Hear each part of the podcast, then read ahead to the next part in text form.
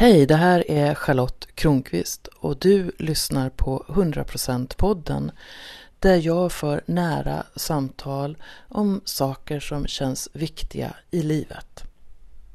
Och idag så ska du få möta en person som har en speciell plats i mitt hjärta.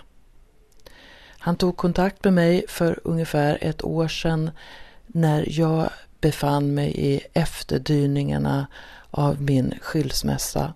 Jag befann mig i Stockholm, jag kände mig ensam och sårbar och lite grann som att livet var i fritt fall.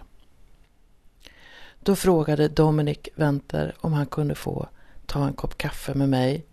Jag sa ja och vi hamnade i ett djupt samtal som gjorde att jag verkligen kunde känna att livet har mening och att möten kan vara väldigt speciella.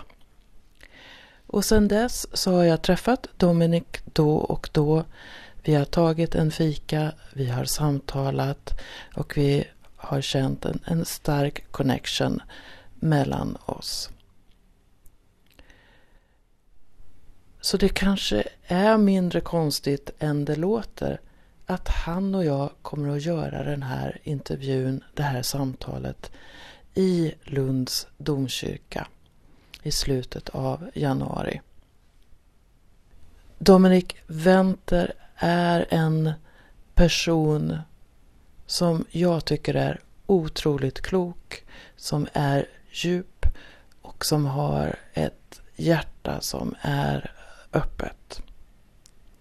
Han är utbildad psykolog i sitt hemland Sydafrika. Han är ordförande i det politiska partiet Enhet. Han jobbar just nu som engelska lärare hemma i Skåne och han driver en massa projekt och som jag uppfattar Dominik så vill han vara med och bidra till en bättre och mer kärleksfull värld.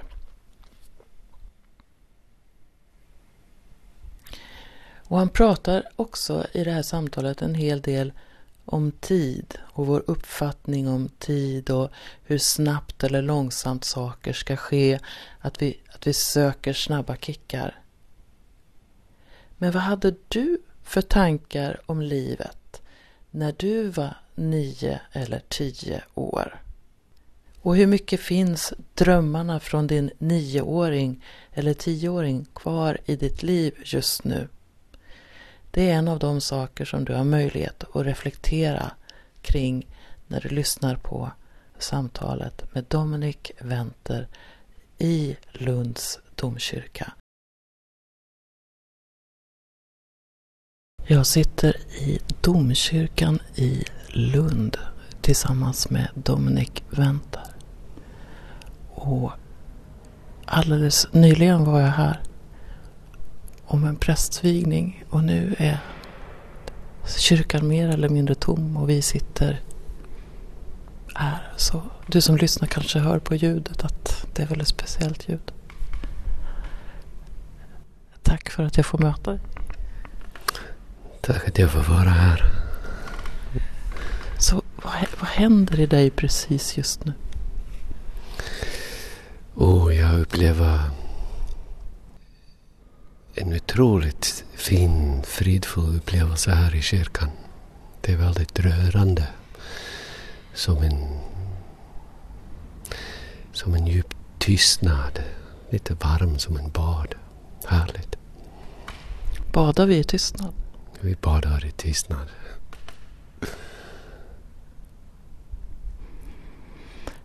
Vad, vad klappar ditt hjärta extra mycket för?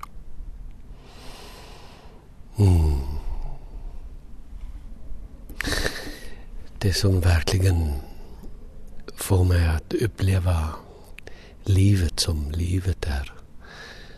De här obeskrivliga, ofantligt magiska sammanträffande som gör var och en människans liv unikt. Och såklart särskilt de som gör mitt liv unikt. Och um, Ja, det är att vi sitter i domkyrkan och pratar är en av de sakerna där vi inte visste, du och jag, Charlotte, var vi ska träffas. Och vi hade ingen aning om vi ens ska hitta en lämplig lokal. Och när vi träffade varandra så sa jag, ja men vad med Domkyrkan? Och du hade precis tänkt exakt samma tankar. Och det är så himla befriande. och så sitter vi här och, och skrattar som små barn och sitter här och badar i tystnad. Mm.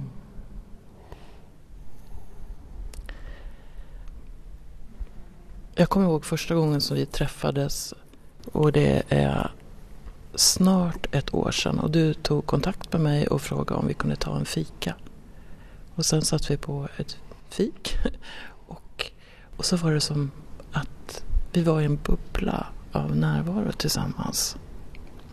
Vad är ditt möte av det där? Minne av det? Jo. Jag upplever, precis som du säger, att upplevelse av närvaro där det bjöds på djupet och en tidslös kontakt med känslor som var väldigt personligt och också väldigt universell upplevelse av tillhörighet till ett större helhet, till en mänsklighet, till en, eh, en upplevelse av sårbarhet som det som, som beskriver oss som människa, som, som gör framtiden möjligt. Det är det som jag kommer ihåg och det var mitt på Centralen i Stockholm. Så var vi omringade av massor med människor som hade massor att göra. Och jag satt med enorma känslor i bröstet och upplevde så en, en himla stor kärlek för, för det här massor av människor. Och vetande att alla bära på något sätt av samma upplevelser. Mm. Så ibland så känns det som att du kom in som en, en slags ängel i mitt liv, vilket jag är oerhört tacksam för. Är du van att vara ängel i människors liv? Mm. Jag vet inte om det är fråga om van eller om det är fråga om ängel. Um, jag har också vana att vara en djävul ibland. Så att ibland är mina änglavingar alldeles svart och utbränd. Um, jag kommer ihåg faktiskt en, en tillfälle där en annan människa har beskrivit mig som en, en ängel på riktigt. Och han var en präst. Och det är en, eh, det är en del av prästtema med oss här idag. Jag träffade en, eh, en präst efter jag inte hade sett honom i tio år. Han hade varit närvarande när jag gick eh, konfirmation. Berättade för honom hur det var för mig att eh, gå igenom den här processen med bikten och så vidare. Det var väldigt traumatiskt för mig. Jag, jag upplevde en riktigt uttömning av en, en identitet som upphörde då och berättade för honom den här historien. Och han tittade med mig, på mig med tårar i ögonen och sa Du är en ängel, du har kommit direkt från Gud. Jag hade så en behov om det här budskapet du gav mig. Och tackade och gick. Jag vet inte ens vad det var för budskap jag gav. det var härligt. Mm. Du föddes ju långt härifrån. Ja. I Sydafrika. Och under en tid då människor var mycket mindre fria än de i alla fall formellt sett är idag. Och det där att leva i en tid med apartheid, hur, hur var det för dig? Jag har präglats väldigt mycket av att vakna, att utveckla, att leva att uppfostras i en, i en sån kontext där värdegrund var så otroligt tvetidigt, alltså mångsidigt, osäkert, otrygg. Och där jag verkligen var tvungen att om och om och om och om fråga mig själv samma, samma frågor. Vad är rätt? Vad är fel? Vem är människan? Vem är vi? Varför är vi här? Varför är världen som den är? Hur ser det ut? Vilken del är jag? Vilken del är inte jag? På vilket sätt är jag en god människa? På vilket sätt är jag precis som alla andra? Och de frågorna, ja, de kom i så många form. De kom i religiösa form, i politiska form, i personliga form. Vardagsmat, att uppleva hat och fruktan för andra och rädsla och fördom. Ja, man kan säga att det har haft en stark formande kraft i mitt liv.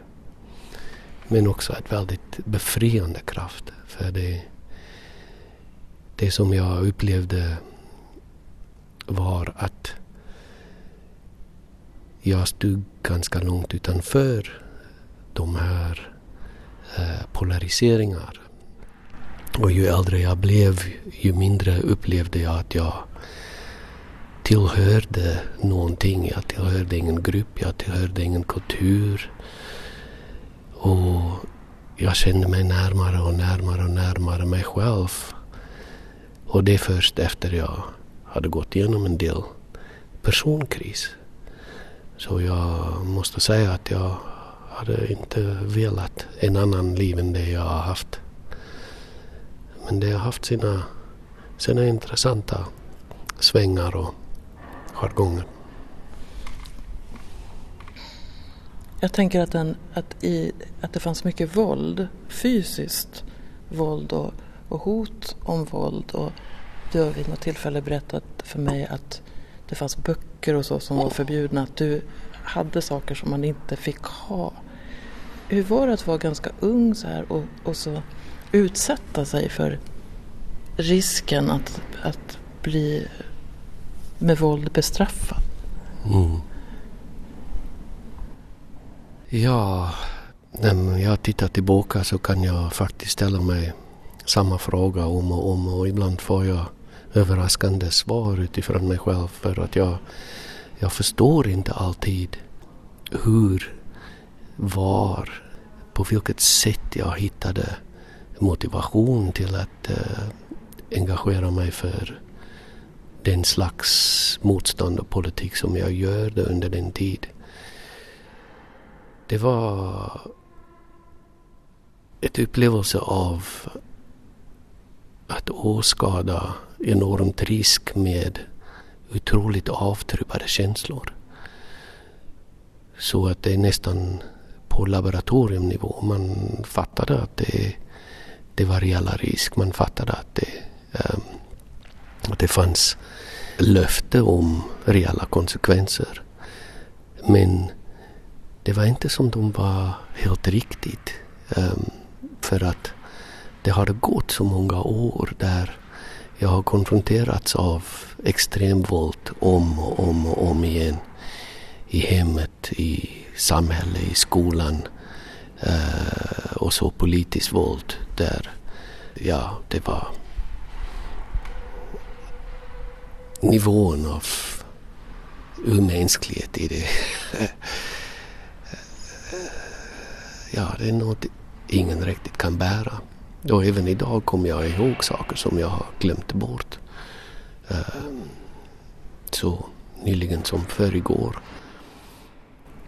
Plötsligt eh, kom en minne om att jag åkte tåg hem när jag var i årskurs åtta. Tåget hade påkört en man, eh, en svart man då. Och vi såg kvarlevorna där. Ja. Jag vet inte vad som var värre för mig var delvis chocken av att se likställena ligger vid, vid tågbana eller om det var inställningen av människor på tåget som med samma avtrubbade åskådning inte kunde se det här som en människa. Och den typ av upplevelsen, um, ja det har två möjliga vägar. Det ena är att det har öppnat i mig många möjliga känslor, många möjliga insikter. Och det andra är att det är möjligt att man, man bara blir traumatiserad och totalt avtrubbad. Mm. Jag får tryck över hjärtat när du, när du berättar det där minnet. Det är som att, det, att den där avtrubbningen som du talar om, att det, att det gör ont. Mm. Ja. Men så kommer du, nu är du ju verksam i, i Sverige. Mm. Och vi är ju ett samhälle som till det yttre, alltså vi låtsas ju inte om som att det finns våld. Nej. Är det ett våldssamhälle vi lever i? Ja, det finns andra former, det finns olika former. Um, det är för mig väldigt svårt att sitta i Sverige till exempel och uppleva Libya-kriget Ehm, och lyssna på radioreportage där en, en ehm, av eh, radiovärd eller programledaren på P1 tror jag jag lyssnade på göra skämt om Gaddafis son som gör dålig konst och är nu på flykt över öken. Som om eh, det var djupet på historien där just under den tid var det dagligen flera hundra flygplan som flög över människors hus och bombade dem. Det är för mig så himla svårt att bara uttrycka hur det känns för mig att ha bägge två de Eh, moment i, i medvetet upplevelser och håller ihop dem. Det är väldigt svårt. Och jag upplever verkligen att det finns mycket av den typ av våld. Det finns ett, ett avtrubbad eh, reaktion mot världen. Jag vet att du är engagerad i något som heter enhet. Finns det någon relation till det vi precis pratade om och enhet? Och enhet är en politisk parti, det är en rörelse där man strävar efter fred. Man gör det genom att fokusera på inre frid och dela en vision om hur vi kan skapa fred på jorden genom hur vi behandlar varandra. En, en värdegrundsled ändring, en värdegrundsled vision av ett framtidssamhälle som respekterar och värdesätter människan och naturen.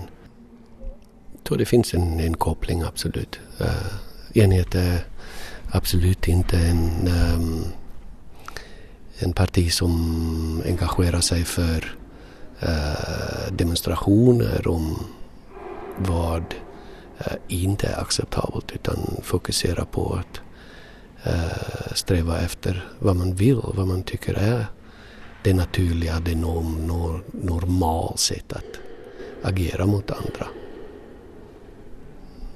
När, när känner du frid? Ja, det största frid för mig händer precis i eh, skärpunkten mellan mina drömupplevelser och mina vakande upplevelser och framförallt när det gäller naturupplevelser, skönhet och drömvärlden när de möts är för mig uppenbarelser, små men otroligt vackra uppenbarelser nästan, ja, en varje dag, inte varje moment men många. Jag känner mig djupt välsignad att vara i liv och ha det här livet. Ordet, när, när du säger det så kommer bara så här ordet kärlek till mig. Ordet kärlek är ett väldigt viktigt Mm. ordbegrepp. Så för mig. Så vad är kärlek för dig? Ja. Mm. Kärlek är någonting som för mig är en, en aktivitet. Det är någonting jag gör. Det är någonting som kan upplevas. Eh, men det är inte någonting som händer mig utan det är någonting som jag, jag utsätter mig för och som jag aktivt skapar. Och när jag väl kommer in i det medvetandet och vill aktivt skapa kärlek inom mig så kan jag börja uppleva en känsla av oändlighet, en känsla av att verkligen existera i någon form av energin som eh, kom från hjärtat som är samtidigt eh, ger mig upplevelser att jag kommer utifrån min egna hjärta och att jag är hela hjärtan. Att hjärtan är i mig och jag är hela hjärtan. Och den känslan ger mig möjlighet att uppleva levande varelser på ett sätt som är alldeles speciellt oavsett det är människan eller träd eller ja, eh, situationer. Det är som en, en vibration som passerar genom mig och det är svårt för mig att, att skilja om vibrationen kommer inifrån mig eller om det är någonting som passerar mig. Det är som jag är i en, en våg, en väldigt lång tidslös våg utifrån vilket jag känner av människan och situationen. Och det, det öppnar för mig en, en upplevelse som Ehm, det första gången det verkligen kom till mig hade det en känsla av att släppa framtiden. Jag vet inte hur annat jag kan förklara det men genom att släppa framtiden var det som livet kom in i mig i form av personer, av djur, av eh, växt och varelser och ja, kärlek. Du sa, du sa att du utsätter dig. Mm. Kan du säga lite mer om det? Jo, det är för mig ett väldigt viktigt sak i mitt liv som en grundläggande eh, värdegrundsfråga att jag ska gå andra till möts, att jag ska öppna mig för andras energi, för deras helhet, deras mörker och ljus och hela personen, hela varelsen. Och på det sättet menar jag att jag utsätter mig, jag öppnar mig för möjligheten. Och den möjligheten kan göra ont, den kan vara irriterande, det kan vara inspirerande, positiv, eh, en hel spektrum av upplevelser. Men jag känner att jag måste gå livet till möts och absorbera kärleken, absorbera livet som ett vibration av, av, av den uh, källan den är. Så kärlek är inte för mig enbart en positiv sak. Kärlek är för mig en, en energi som innehåller väldigt mycket annat än bara goda känslor. Så det finns goda känslor? Oh ja. jo, det finns underbara goda känslor. Tror du på slumpen? Nej, inte längre. Det kan jag inte säga att jag tror på slumpen. Det har försvunnit i stort sett från mitt liv. Det jag väl märker är att närvaro, medvetenhet, kvaliteten av medvetenhet, varseblivenhet. Det ger möjligheten för så kallad slump eller tillfälligheter att ta den djup meningsfull magiska formen att ställa oss i centrum av verkligen våra liv, våra existens som källan för det vi upplever. Då är det ingen slump. Det är skapande kraften i var och en människa som gör sitt liv unikt. En sak som jag verkligen är, är nyfiken på det är hur du ser på de människor som kommer i din väg och de som du väljer liksom att interagera med. Hur, hur, väljer du det och hur vet du vilka som du ska så säga, ge av din mm. energi till? Ja. Det korta svar, svar är att följa vägen framför mig. Det som kom upp, det är meningen, det är det jag skapar medvetet, omedvetet. Och det är den upplevelse som jag tillåter. Och jag har ingen aning om jag väljer rätt eller fel. Jag har verkligen ingen aning när jag gör valet och tänker oh, det är en, en människa är intressant. När jag väl gör valet så börjar för mig en värld öppna där dröm, overklighet, eh, djupare resonanser av omedvetet, någon form av, kollektivmedvetande, en form av visdom börjar visa sig och göra mitt liv väldigt magiskt.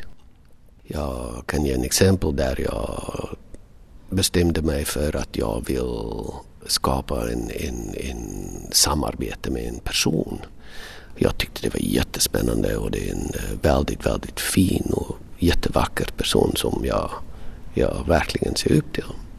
Och jag körde bil och berättade i telefon för en vän, en annan vän. Oh, jag har träffat den här personen och jag tänker att vi ska ha en samarbete tillsammans. Och medan jag pratar så kör det förbi mig en bil med ett släp och på släpet är det en nedmonterade flygplan med vingarna avmonterat och liksom bakvänt. Och jag blev helt chockerad och tänkte, ah, vilken symbolik jag berättar precis om det här otroligt fin, fantastisk person som jag ska verkligen flyga med och här kör det förbi en flygplan som aldrig kommer att flyga. Och det behövs inte säga att just den val blev aldrig till flyg. Men det blev andra saker till. Ehm, det blir insikt, det blir utveckling, det blir fördjupning, det blir nyansering. Det är ingen slump det. Men samtidigt, jag kan inte säga att jag har någon form av styr på det här. Det är mer att jag måste utsätta mig för det. Och den, den flygplan som kör förbi är för mig också ren kärlek. Det är som en, en riktigt ömsint smekande hand på kinden på mig som säger att du, titta här och titta noggrant. Och det gör jag. Och det första tanken jag får är Oj, det är jag som är flygplan, jag kommer aldrig flyga. och så långsamt när jag går in i det och jag kan berätta om metoden som jag gillar att använda så kom det mer och mer saker om hur metaforen kan berika mitt liv, hur synkroniciteten kan berika mitt liv. Och den, den är verkligen en, en passion när du frågar i början varför får min hjärta klappa? Det är precis den typ av magin som det är så mondän och så djupt supramundän, det är så djupt magisk som det är otroligt lätt att förneka och det är samtidigt eh, som en superupplyftande eh, upplevelse som att vara helt befriad från eh, identitet, helt befriat från någon hinder i medvetandet även för några sekunder. Och det är för mig som, ja, det finns väldigt lite annat som har samma värde för mig. Mm. Något som jag har lagt märke till under senare tid är att jag ibland tror att, att jag väntar på att någonting ska hända. Och så tror jag att det inte händer. Men så börjar jag, tänka, så börjar jag inse att, men vänta nu, det händer redan. Men inte på det sätt som jag trott att det skulle hända. Mm. Som att att det ändå omedvetet kan finnas massa föreställningar om hur det där ska vara. Att man nästan missar. Mm. Är det något du kan relatera till? Ja, väldigt mycket. Och på ett kanske särskilt sätt är att jag märker jämfört med när jag var tonåring att vi har som ett samhälle ett förväntning att saker ska hända väldigt fort. Och jag kan tänka på hur när jag var tonåring och tänkte att jag var otålmodig för att jag skulle vänta någon månad för saker att hända. Idag är det liksom någon minut. Inom några dagar så ska man få absolut bekräftelse. Så här är det. Har fått jobb, har fått pengar, har fått projektet. Allting ska liksom klack, klack, klack, klack, klack. Jag ser samma sak i mina samtal med klienter. Att det förväntas att transformationer ska pågå bara för att man tänker sig engagera sig för personutveckling. Och det kom som i början någon form av en besvikelse. Att oj, ja, nu har jag inte blivit eh, liksom det här superperson som jag tänkte transformera mig till under de här fyra sessioner med coachen. Shit, oj. Och jag tänker så här att jag önskar verkligen att, att kunna gå åt andra hållet och börja tänka vad var det jag önskade mig när jag var tio år? Vad har verkligen hänt i de här 30, 40, 50, 60 år? Och börja reflektera över vilka enorma, stora, långvågrörelser har förekommit. Hur vi har utvecklats som människor, vilka djup vi har utvecklat, vilken bredd vi har tagit till oss. Kunskap, upplevelser. Och vilken rikedom det ligger bara tänka över hur mycket konst vi har tittat på, hur berört vi har varit av hur mycket musik, hur många kärleksaffärer. Och plötsligt för mig känns det som universum är en gånger större. Som om tiden bjuder på någonting helt annat när vi tittar på ett annat sätt, om vi använder en annan lins, en annan filter. Så om, om du för ett ögonblick tittar på dig ur din tioårings perspektiv och bara tar det som kommer först i medvetandet. Vad är, vad är det för vågrörelse som du kan uppfatta just nu? Oh, ja. Jag ska ta mig licens och prata om nioåring.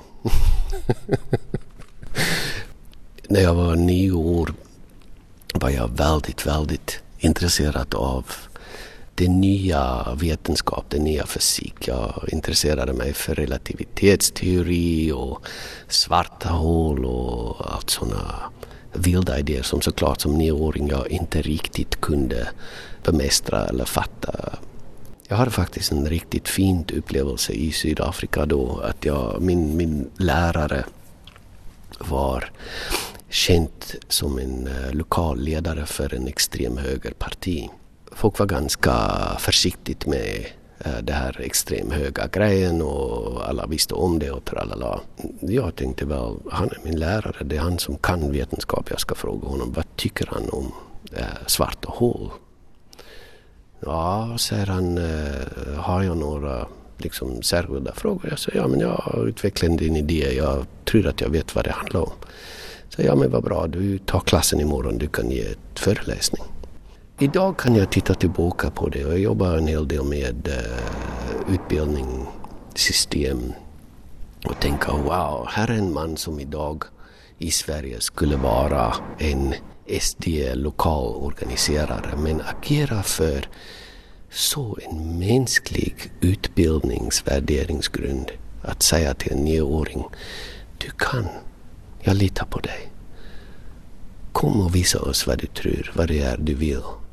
Och den moment hade för mig ett jättestort betydelse som för ett år sedan här i Sverige kom det i en full cirkel där jag ser en, en, en annan eh, utvecklingskonsult gör en, en grafisk beskrivning av ett beslutsprocess och jag plötsligt fattar. Ah, han beskriver precis det här moment av äh, svarta hålet och det är som tiden står stilla och det här 30 år, 37 år som har passerat, plötsligt kom alla de här bitarna på plats och jag börjar förstå en, en, en sak som jag har frågat mig själv om människans medvetandet i minst nu 27 år att vilja eh, lösa en mysterium för mig själv. Och plötsligt kom det en modell, en metafor och jag kan börja ah, tänka shit, yes, yes, yes. Ah, oj, titta.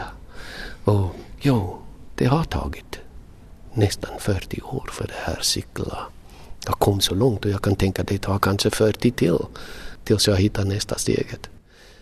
Men emellanåt är det saker som tar fyra minuter eller fyra dagar eller fyra månader. Men helheten av det bäras mig av en, en acceptans av att vi lever evig. Alltså vi har möjlighet att uppleva tid i evig rörelse.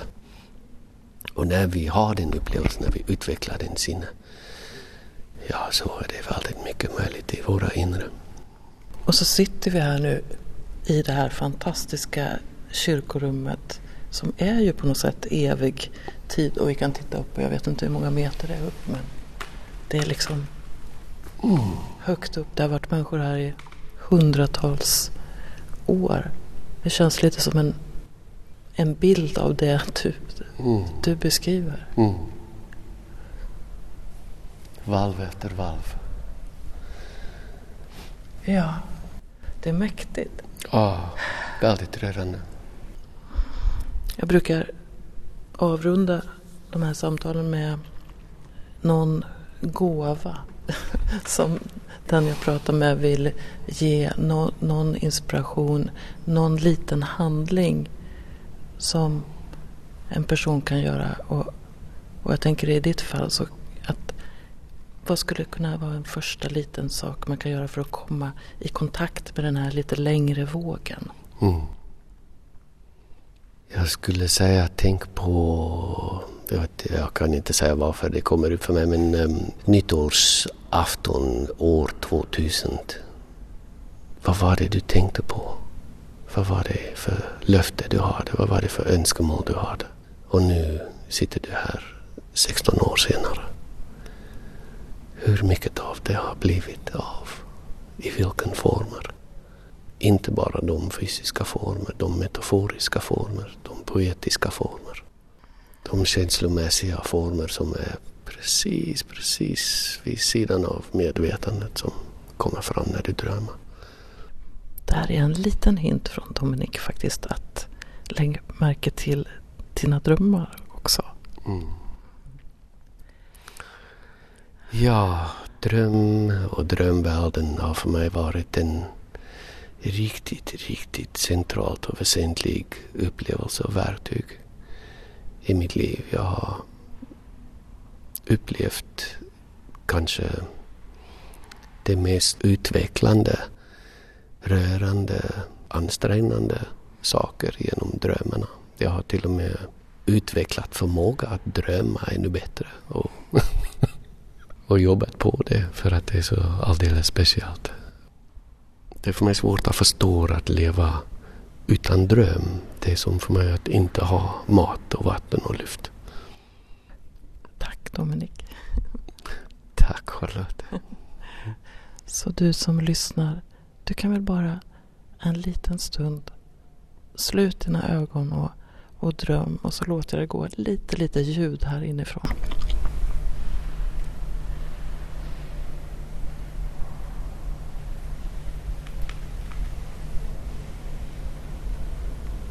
Ja, ljudet av en domkyrka, av en katedral.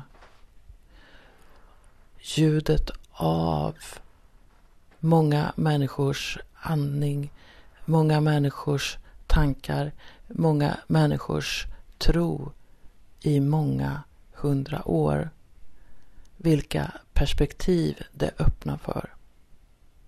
Och att vara tillsammans med Dominik Venter hjälper mig att få perspektiv på tillvaron. Det hjälper mig att reflektera och att andas ut.